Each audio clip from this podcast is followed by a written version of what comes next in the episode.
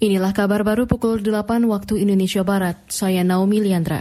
Pemerintah dan DPR berniat tetap melanjutkan proses pemekaran Papua meski ada sejumlah penolakan dari beberapa kelompok masyarakat. Tenaga ahli utama kantor staf Presiden KSP Theo Francis Litai menyebut pemekaran perlu dilakukan supaya akses fasilitas dan layanan publik lebih mudah sebenarnya sudah melibatkan berbagai pihak secara cukup luas. Tapi bahwa perlu diskusi dengan orang yang tidak setuju, ya nggak apa-apa. Proses diskusi itu kan bisa dibangun. Tapi proses pemekarannya itu kan terus dilanjutkan. Sementara itu kita memberikan pemahaman kepada warga yang berbeda pendapat bahwa maksud dan tujuan dari pemerintah sebenarnya adalah baik ya untuk semakin memperkuat kualitas dari pelayanan publik pemerintahan di daerah ini. Sikap serupa juga disampaikan Ketua Komisi Bidang Pemerintahan di di DPR Syamsur Rizal. Ia mengatakan usulan pemekaran wilayah Papua telah melalui berbagai kajian serta masukan.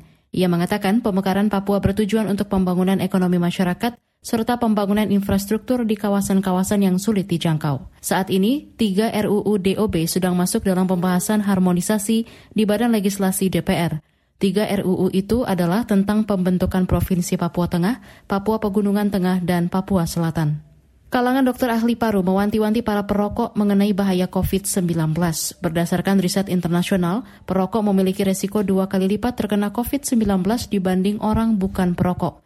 Dokter paru dari Perhimpunan Dokter Paru Indonesia PDPI, Feni Fitrianti Taufik, mengatakan perokok beresiko lebih tinggi terkena COVID-19 karena perokok mengalami gangguan pada sistem imunitas saluran nafas dan paru akibat asap rokok. Mendapatkan bahwa 9,7 persen eh, orang-orang yang diteliti itu mengalami sakit dan 5,5 persennya memiliki riwayat merokok. Nah, dari yang mempunyai riwayat merokok ini memiliki gejala COVID yang berat ditemukan lebih banyak pada pasien dengan riwayat merokok 17 persen dibandingkan yang bukan perokok 9,3 persen. Dokter paru dari Perhimpunan Dokter Paru Indonesia PDPI, Feni Fitriani Taufik mengatakan, aktivitas merokok juga meningkatkan kadar reseptor tertentu yang dijadikan tempat tinggal virus corona saat masuk ke tubuh.